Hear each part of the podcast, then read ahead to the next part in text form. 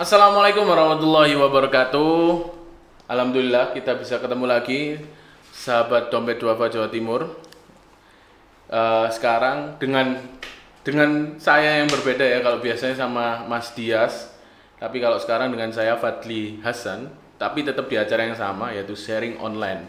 Nah sharing online kali ini akan sangat-sangat berbeda karena kalau biasanya kita eh, ngundang eh, pembicara-pembicara yang eh, kayak ustadz gitu-gitu. Nah, sekarang pembicaranya tetap keren, mantep, tapi juga maknyus, Mas. Maknyus kayak makanan aja ya.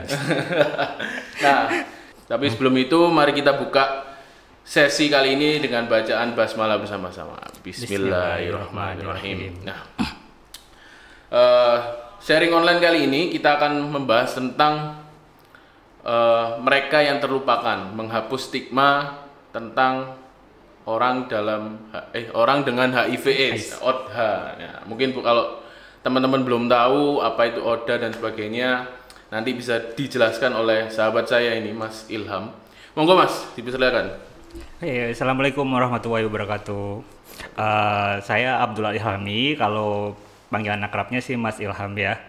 Eh, ini tahun ketujuh saya menjalani Ramadan dengan status Tahun ketujuh. Oh Mas. udah. eh, eh. Jadi saya divonis itu tahun 2014. Berarti kalau di poster itu 4 tahun ini berarti 7 tahun yang hasilnya ya? Atau gimana? masuk tahun ketujuh. Masuk tahun ketujuh. Ah. Masya Allah. Jadi tepatnya itu eh, dulu itu divonis bulan Februari Mas. Fe- Februari 2014. 14. Oh, berarti harus sih kalau 7 6 tuh berarti harusnya. Iya tapi ini Ramadannya Ramadan ketujuh. Ramad. Oh. Ya ya ya ya ya Masya Allah. 7 tahun berarti ini sudah 6 sampai mau ke 7 lah ya mengidap penyakit ini ya. Iya. Masya Allah itu dulu gimana Mas perasaannya? Perasaannya Pas megang surat bahwa Iya. gitu. sebenarnya perasaannya sa- pada umumnya ya Hmm. kalau orang-orang kena vonis HIV AIDS itu rata-rata memang pasti mereka akan shock ya Hmm. walaupun ya mereka punya perilaku yang beresiko dan mereka tahu resikonya bakalan ke- kena penyakit ini Hmm. tapi bagaimanapun juga kenyataan pahit itu akan membuat seseorang shock ya gitu. Hmm. Eh, pada saat itu yang ada ba- dalam bayangan saya ya ketika menerima itu ya pasti satu mati Hmm. bentar lagi selesai Eh, Mas, ah, pernah ada pikiran kayak gitu sampean? ada karena memang dokternya juga bilang waktu saya waktu pertama kali divonis itu memang Hmm. daya tahan tubuh saya kan memang di angka 13 dan 13 itu memang sangat rendah sekali. Normalnya itu berapa kalau? Normalnya 500 sampai 1500. Uh. Ya, jadi kalau 13 Tiga bel- dari 500 ke 13. ya. Allah. Dan itu 13 itu biasanya rata-rata kata dokter sih sudah nggak bisa bergerak ke mana-mana. Ya Allah. biasanya itu terbaring di rumah sakit. Cuman awalam ya nggak tahu pada saat itu saya masih bisa aktivitas kerja, masih bisa naik motor sendiri, Hmm. jalan-jalan gitu kan. Itu Mas kadar apa itu namanya kalau CD4. CD4 Iya. itu 13 masih bisa jalan-jalan, Iya. masih keluyuran ke mana-mana. Mm. Belum ada PSBB makanya.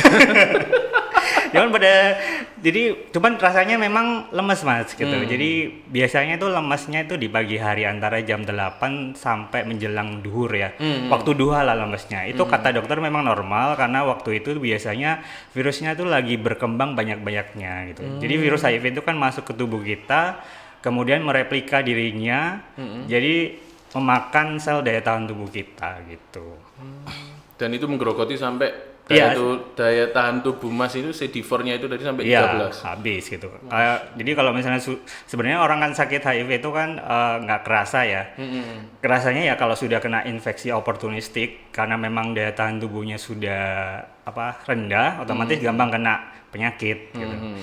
Kalau ditanya kalau waktu itu yang saya rasakan pertama itu diare. Diare saya itu Di hari telat makan. Ya. Enggak, diare kayak ya mu, diare sama mual. Jadi buang air buang air bes- besarnya itu cair. Dan itu berlangsung dari September 2013 itu sampai 2015 awal. Eh, dua tahun itu kayak gitu terus. Hampir dua tahun. Allahu Akbar. Itu sudah divonis atau belum? September Kan itu. September itu belum divonis 2015. Cuman waktu divonis September kan 2013. Iya, 2013 ya maaf. Ah, 2014 nya kan baru divonis lah. Itu berlangsung terus sampai tahun 2015 awal itu. Itu gini, jadi Berarti selama setahun itu Mas eh nggak sampai setahun ya berarti ya. September ke Februari. Iya. Februari. Jadi itu kayak saya itu ke dokter minum obat gitu kan. Eh, beli pertamanya beli obat di apotek ya obat biasa terus Empat di hari ya. ya selesai sehari besoknya gitu lagi sampai berapa hari gitu. Jadi itu sering dan sehari itu rata-rata lebih dari tujuh kali dan saya itu pernah yang sampai itu sampai tidur di kamar mandi karena memang sudah nggak bisa ke mana-mana. Jadi mau pergi gitu kayak kerasa Itu lagi kerasa itu, lagi Mas? gitu. Udah Eh, di, udah divonis itu pas itu belum. Udah divonis, jadi waktu itu di Bandung. Jadi itu saya itu sampai bawa laptop kerjaan ya, saya kerjain di kamar mandi. Sampai kerjain segitunya. laporannya. Itu lagi kerja itu memang. Lagi kerja. Jadi kan waktu saya ke Bandung itu kan memang Oh, dapat vonisnya ini di Bandung. Hmm. Jadi saya itu baru dapat kerjaan di Bandung. Terus habis itu saya datang ke Bandung. Ya pas seminggu itu kan apa namanya semakin parah di harinya. Nah waktu itu baru saya ketemu dokter. Waktu itu dokternya orang sidoarjo kebetulan. Terus orang sidoarjo bilang, Mas ini kayaknya kena HIV gitu kan. Oh langsung di Ya, soalnya saya gitu? saya kan diperiksa pencernaannya ditekan-tekan gini nggak sakit. D- Dan memang nggak sakit mas. Jadi cuman pas diare aja. saya nggak sakit. Mas. Hatinya yang sakit. aduh, aduh. Jangan mas. Sudah cukup. terus terus terus. Jadi kalau saya- pas saya itu eh, apa ya? Jadi lupa kan gitu. Jadi pas waktu Pas itu ditekan-tekan. ya ditekan-tekan itu nggak sakit. Nggak ada yang nendang ya? Ambil dong. Terus oh berarti pencernaannya nggak apa-apa. Berarti Hmm. ada yang salah sama eh, terus habis itu ditanyain Hmm. pernah melakukan perilaku berisiko terakhir kapan gitu. Jadi Saya bilang kan terakhir memang tahun 2012 awal. 2000 Dua, dua tahun sebelumnya. dua tahun sebelumnya. Ya, terus habis itu dijelasin sama dokter sebenarnya HIV AIDS itu sendiri bisa muncul gejala itu bisa lama setelah terakhir melakukan perilaku beresiko. Jadi saat virus itu masuk kan ada beberapa tahapan tuh, ada empat tahapan. Mm-mm. Nah, saya itu sudah di tahap keempat, sudah di apa namanya? Krisis gitu atau Ya, gimana? apa sih namanya kalau itu kalau cancer itu apa ya? Eh, Sudah stadium 4 Iya, tadi ya? sudah stadium 4 maksudnya gitu. Jadi di stadium 4. Jadi kalau di stadium awalnya itu virusnya masuk itu terus Itu habis- udah kan kalau HIV sama AIDS itu kan beda kan ya? beda. Itu udah masuk kategori apa ini? AIDS. Sekarang Oh, masih AIDS. Sekarang masih AIDS. Jadi kategorinya tuh gini, dilihat dari CD4-nya. Jadi kalau CD4-nya di bawah 250 itu masuk kategori AIDS. Masuk kategori AIDS. Dan sekarang sampai sekarang saya 7 tahun itu tertinggi kemarin waktu tes 172. Masih AIDS itu berarti. Masih AIDS. Jadi sampai sekarang itu belum normal. Separuh dari normal aja nggak ada. Normalnya Normal kan lima- 500 ya? 500. Kalau udah kalau HIV itu gejalanya gimana? Kalau AIDS itu gimana? HIV itu hampir tanpa gejala, Mas. Oh, tanpa gejala. OTG berarti. Orang tanpa gejala. Iya, OTG. Jadi Kak, HIV itu tanpa gejala. Jadi eh, nggak ada gejala sama sekali. Jadi kita nggak tahu nih kayak saya misalnya waktu bila Hmm, seger gini terus tiba-tiba Hmm. kena HIV gitu. nggak tanpa gejala biasanya. Nggak tahu bi- ya. Biasanya ada gejala itu di di stadium ketiga sama keempat. 34 itu udah masuk Mm-mm. AIDS. Oh, kalau kalau AIDS-nya sendiri gejalanya diare itu tadi atau beda-beda? Beda-beda. Ada ada beberapa macam. Ada 10 atau lebih dan itu bisa muncul semua atau bisa muncul dua tiga tergantung kondisi badan masing-masing. Hmm. Kebetulan waktu itu yang muncul dalam diri saya itu cuma diare, Hmm. terus kalau malam itu demam, dan mual. Jadi karena mual, dimak dikasih makan terus muntah, Hmm. akhirnya berat badan turun. Jadi du- tahun 2015 divonis, 2014. Wih, 2014 divonis, 2012 itu Terakhir. melakukan kegiatan yang seperti itu. Mm-mm. Oh, berarti dua tahun berjalan ini berkembang terus ya, terusnya. ya? tapi kalau misalnya dari dari situ ternyata divonis ke stadium 4 dan memang waktu itu divonis nggak lama lagi, Hmm. sempat divonis dokter kalau ini nggak segera ditangani bisa cuman bertahan 6 sampai 7 bulan. Itu 6 kan sampai 7 bulan diprediksi iya. hidup. Ya kalau nggak ini di 7 tahun dokter. Jadi kalau nggak di ini ya, terus habis itu dokternya bilang ini kemungkinannya penyakit ini sudah masuk ke dalam diri saya itu bisa 10 tahun sebelumnya atau 8 tahun sebelumnya gitu. Hah? Kok bisa? Dan kalau saya lihat sejarah hidup saya ya mungkin ya pertama kali saya melakukan itu tahun 2000 2005 2006. Berarti sebelum 2014, 2006 itu sudah Ya kayaknya sih di tahun-tahun itu mungkin ke kemasukan virusnya. Cuman waktu itu kan memang rentang jalannya apa jaraknya jauh dan tanpa gejala jadi nggak nyadar gitu. Dan itu ini penting kalau misalnya orang-orang yang punya resiko itu harus sering-sering check up. Ya lebih baik lagi sih berhenti ya. Iya, ah. jangan diterusin. Kalau sudah berhenti, kena resiko. jangan diterusin. Cuma kalau misalnya memang dia belum bisa bertobat harus sering-sering di check up. Cek darah itu Mas ya. Ya itu ada Bukan rapid test ya. Bukan, Bukan. beda lagi. Tapi ya ya kayak rapid test sih tesnya juga. Oh iya? Swab test gitu, masuk ke hidung gitu. Ya nggak? enggak, ya ambil darahnya juga Ambil nggak darah. banyak lah gitu. Kayak tes darah gitu. Gitu ya. Itu berjalan ketika pertama kali ke, eh, dapat vonis. Hmm. Apa yang Mas lakukan waktu itu? Yang pertama saya Pasti kan shock kan nih. ya shock. Ya tuh keliling-keliling kota Bandung nggak jelas gitu terus habis itu pas itu akhirnya saya mencoba untuk masuk ke salah satu masjid setelah beberapa hari ya. Hmm. Untuk mencari ketenangan gitu. Ah, tapi ternyata pas di masjid itu dapat perilaku yang nggak enak.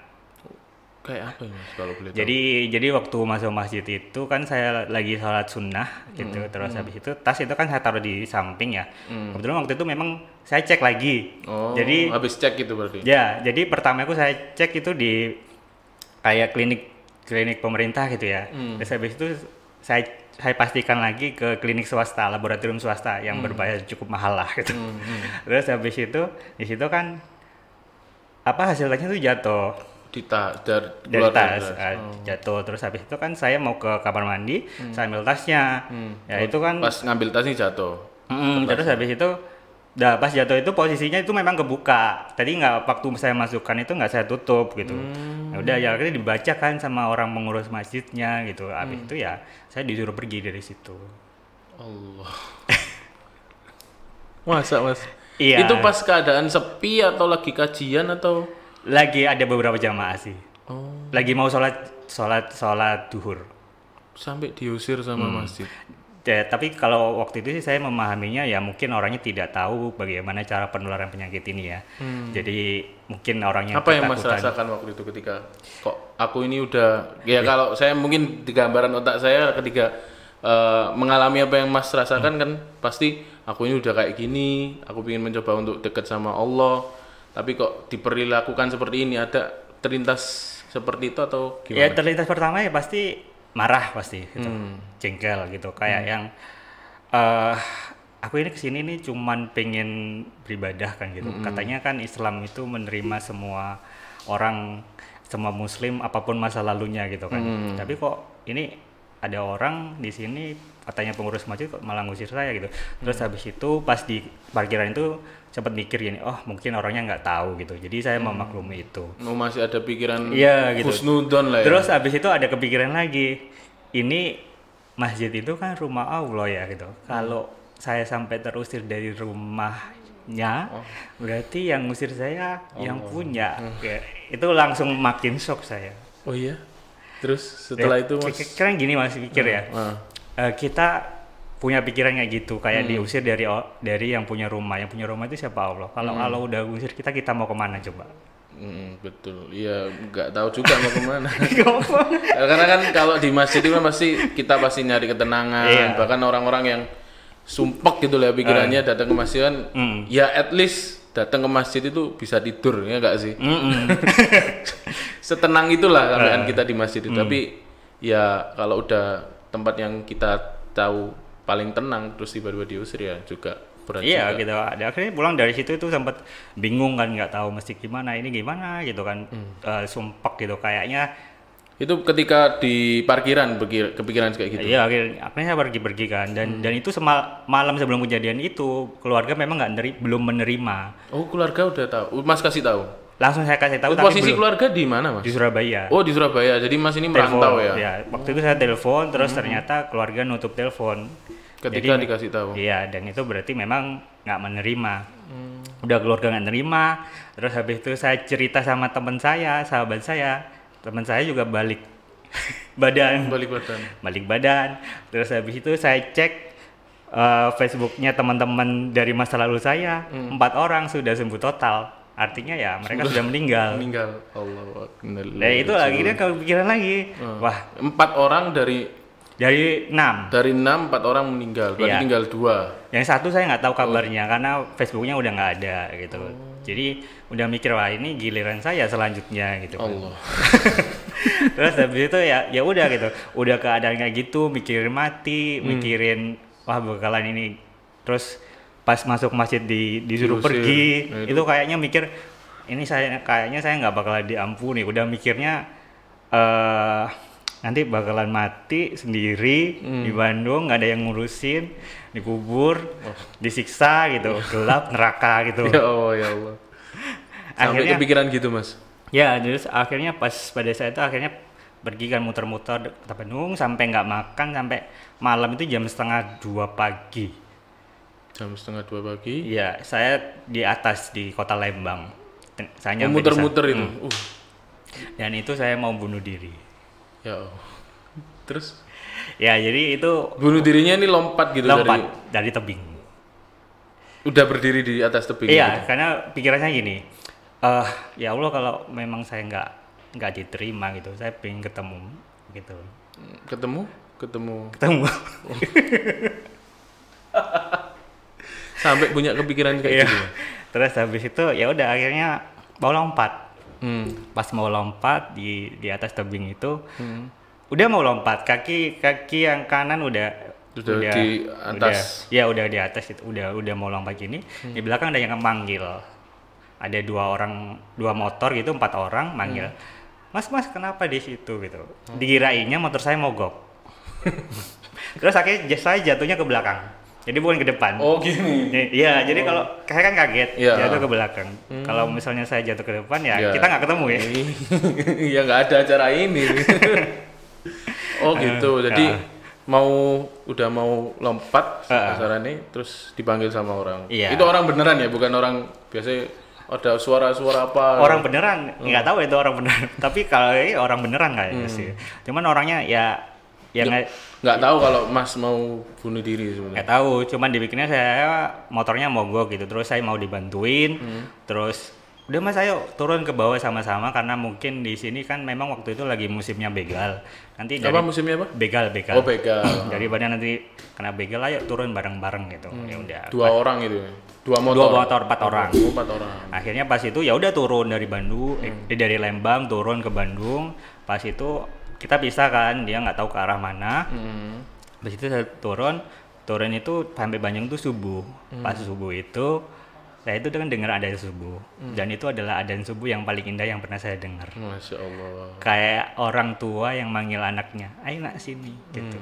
Jadi kayak Allah itu manggil saya bahwasanya nggak bener loh aku ngusir kamu gitu. Hmm, Masya Allah, aduh kok merinding saya dengar. Masa begitu?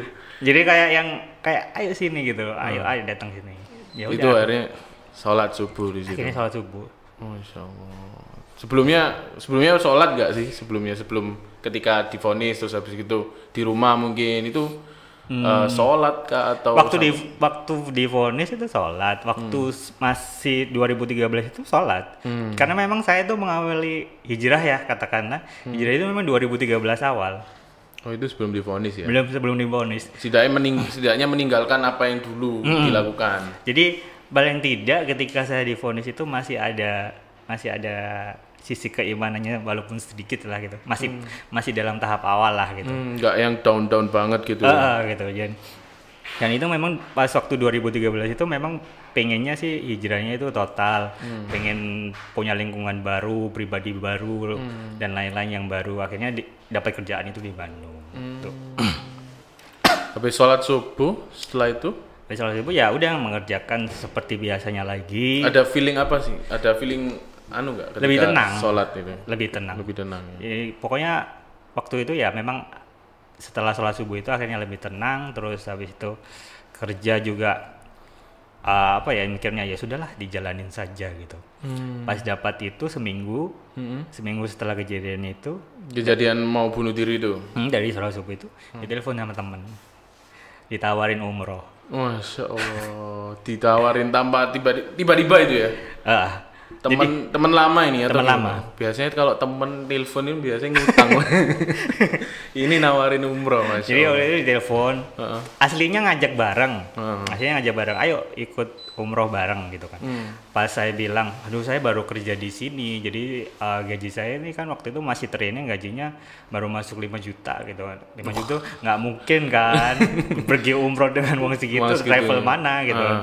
Terus habis itu eh dibilangin lagi ya udah nggak apa-apa, eh, biar ini dibayarin sama saya gitu kan gitu. Allahu Akbar Pas itu akhirnya saya lagi mi- mikir lagi. Hmm. Eh, saya mikirnya gini, Mas. Waktu saya melakukan dosa itu saya rela mengeluarkan uang, mengeluarkan harta. Tapi yang enggak sedikit juga kan. Iya. Terus kalau ibadah kok saya nggak nggak mau ya ngeluarin harta ya gitu. Hmm. Akhirnya saya telepon lagi sama teman-temannya. Eh Enggak deh, saya nggak mau dibayarin semuanya. Saya saya ini ada uang 5 juta ini. Hmm. Ya udah saya bayar 5 juta ini aja gitu Hmm. tadinya nggak mau tapi saya tetap maksa ya udah akhirnya dikasih jadi setidaknya Hmm. ada yang dikeluarkan untuk melakukan ibadah ini tadi. Mm.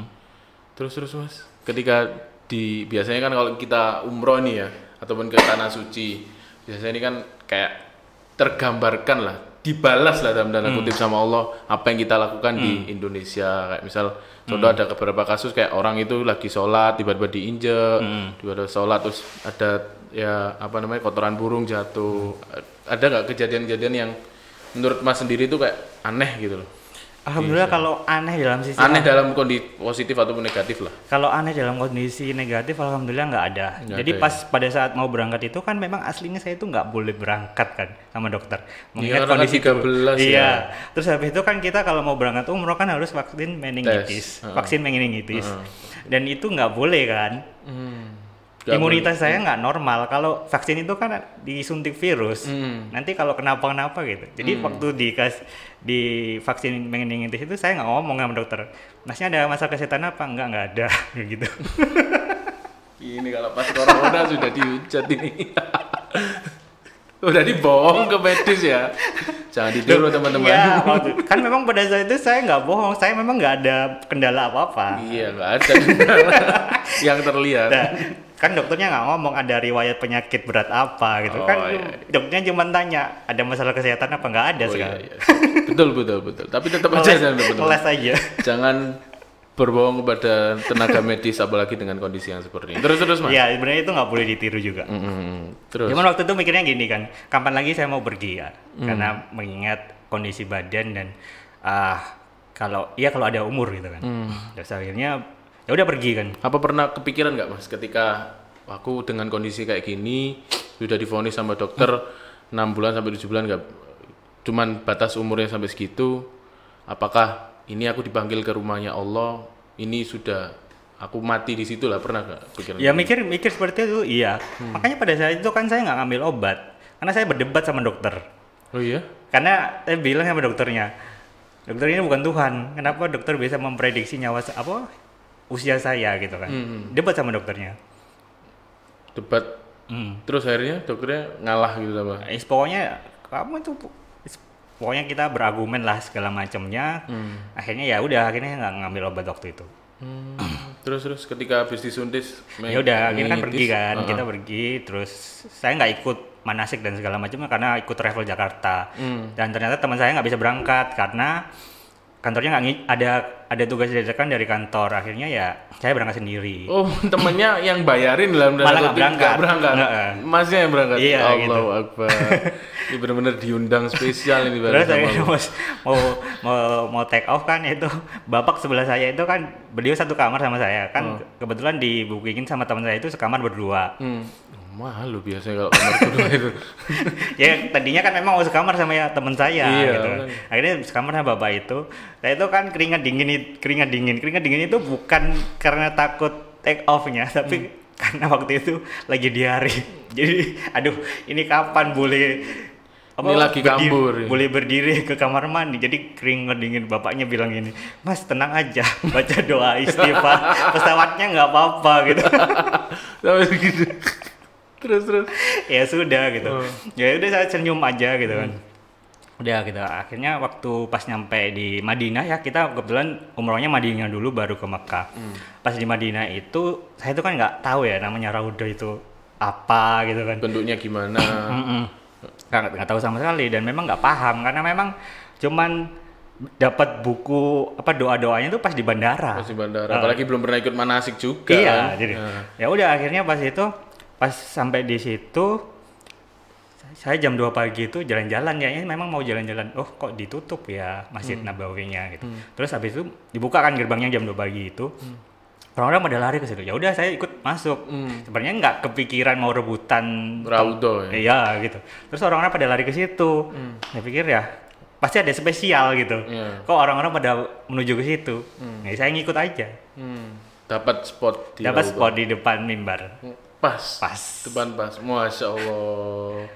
Terus itu gampang-gampang susah loh dapat spot kayak gitu itu. iya masya allah Masya Allah. saya juga dengar dari banyak teman-teman itu yang susah dapat itu. ya karena memang saya waktu itu nggak mikir apa-apa ya cuman mikirnya ya orang-orang pada ke sana ya ngikut gitu loh Hmm. pasti baik kan itu nggak sama rombongan berarti ya sendiri. Enggak, karena memang rombongan lagi pada istirahat. Istirahat. Mm. Karena memang bebas kan acaranya. Hmm. Terus habis itu ya di situ akhirnya saya sholat tahajud segala macam, berdoa, nangis, inget semuanya lah segala macam. Diluapkan semua. Iya gitu. Terus aduh mikir gini, kalau saya berdoa untuk urusan dunia saja kayaknya untuk sembuh itu kayaknya terlalu murah deh. gitu. Hmm. Akhirnya waktu itu saya berdoanya gini, ya Allah jangan pernah tinggalkan saya, selalu temani saya sampai saya meninggal. Ya. Masa sampai gitu? Ya Allah. Jadi waktu itu udah nggak mikir minta sembuh, minta apa gitu kan. Cuman mintanya ya tetap ditemani sama Allah gitu supaya mikirnya jangan sampailah saya balik-balik lagi gitu. Hmm. Masya Allah. Merinding saya dengarnya. Terus terus setelah itu. Ya udah gitu. Jadi jadi di situ itu dari pas dibuka sampai selesai salat subuh saya di situ terus. Di situ terus di posisi yang sama itu. Iya gitu. Padahal ya ya harusnya kan memang banyak orang ngantri ya gitu. Hmm. Tapi ya saya lihat ke belakang nggak ada orang yang ngusir saya, nggak ada orang yang bilang gantian sama saya. Ya udah saya diam Diam di situ. terus ya, masya Allah. Berarti Kan ber- biasanya kayak apa yang polisinya itu namanya apa sih? ya polisi Ya as askar askarnya. askarnya itu biasanya kadang-kadang kan Hmm. itu kan suka itu kan nertipin kalau kita udah terlalu lama di situ gantian atau gimana kan. Ini nggak diusir sama Enggak. sama askarnya. Ya sudah. Allah. Ini sebuah keajaiban dari Allah Subhanahu Wa Taala berarti khusus buat Mas Ilham biar apa ya, kasarannya itu kayak candlelight dinner bareng sama Allah gitu loh. Ya Langsung itu itu memang di satu hal yang taman surga di Masjid nggak pernah terlupakan kalau itu. Masya Allah. Setelah itu setelah kejadian umroh itu udah Jadi kejadian besoknya ada kejadian lagi mas. Jadi Apa pas itu? besoknya itu ya balik lagi kan sudah tahu. Jadi ditanya sama ustad ustadnya di situ. Oh itu Rauda gini gini. gini. Oh ya udah besok paginya ngan niat. niat kepingin Iya, lagi. Tapi dapatnya di belakang. Sudah cukup anak muda. Itu begini. Akhirnya dapatnya ke belakang. Pas di belakang ya tapi tetap dapat spot cuman di belakang. Terus ada bapak tua gitu kan. Nyari-nyari kebingungan ya. Saya pikir ya kemarin sudah sudah lama. Heeh, ya udah saya kasih ke bapak Pak sini Pak gitu. Gantiin sama Orang saya. Indonesia. Orang Indonesia. Hmm. Saya nggak tahu kota mana. Hmm. Terus habis itu ya udah saya saya pindah tempat gitu kan. Saya baca Quran. Sebelahnya ada orang Arab gitu nggak tahu. Terus habis itu saya, saya kan nggak pernah baca Quran lama. Otomatis tergagap-gagap kan. Mm-mm. Ah, ya udah gitu. Bapak yang di sebelah saya, Orang Arab itu tadi. orang Arab itu tadi senyum ngeliat saya. Hmm. Ya mungkin karena memang lihat Lucu saya. dipikirnya. Iya kan gitu kan beliaunya pasti paham kan gitu yang saya baca gitu. Hmm. Cuman beliaunya tuh senyumnya bukan senyum yang ledek, Mas. Hmm. Senyum senyumnya apa ya? Damai gitu. Hmm. Terus habis itu pas saya mau kayak aduh batuk-batuk gitu kan Hmm. mau ngambil air zam-zam itu si bapaknya ngasih air zam-zamnya yang di gelas kecil itu ke saya gitu. Dianterin sama dia. Iya, enggak kebetulan bapaknya oh ada. ada, Terus dikasih. dikasih ke saya. Oh, jatahnya dia dikasih. Oh. Terus saya bilang ngomong bahasa Arab itu saya nggak nggak ngerti jadi saya bilang oh ya thank you saya nggak paham ngomong apa. Terus terus. Oh, ya udah bapaknya bapaknya cuma senyum aja. Terus habis itu dia sholat subuh sambil suruk. Saya saya keliling-keliling aja kok eh, di masjid itu. Pas saya lihat di situ ternyata loh itu kan bapak tadi yang ngasih saya air zam-zam. Ternyata beliau itu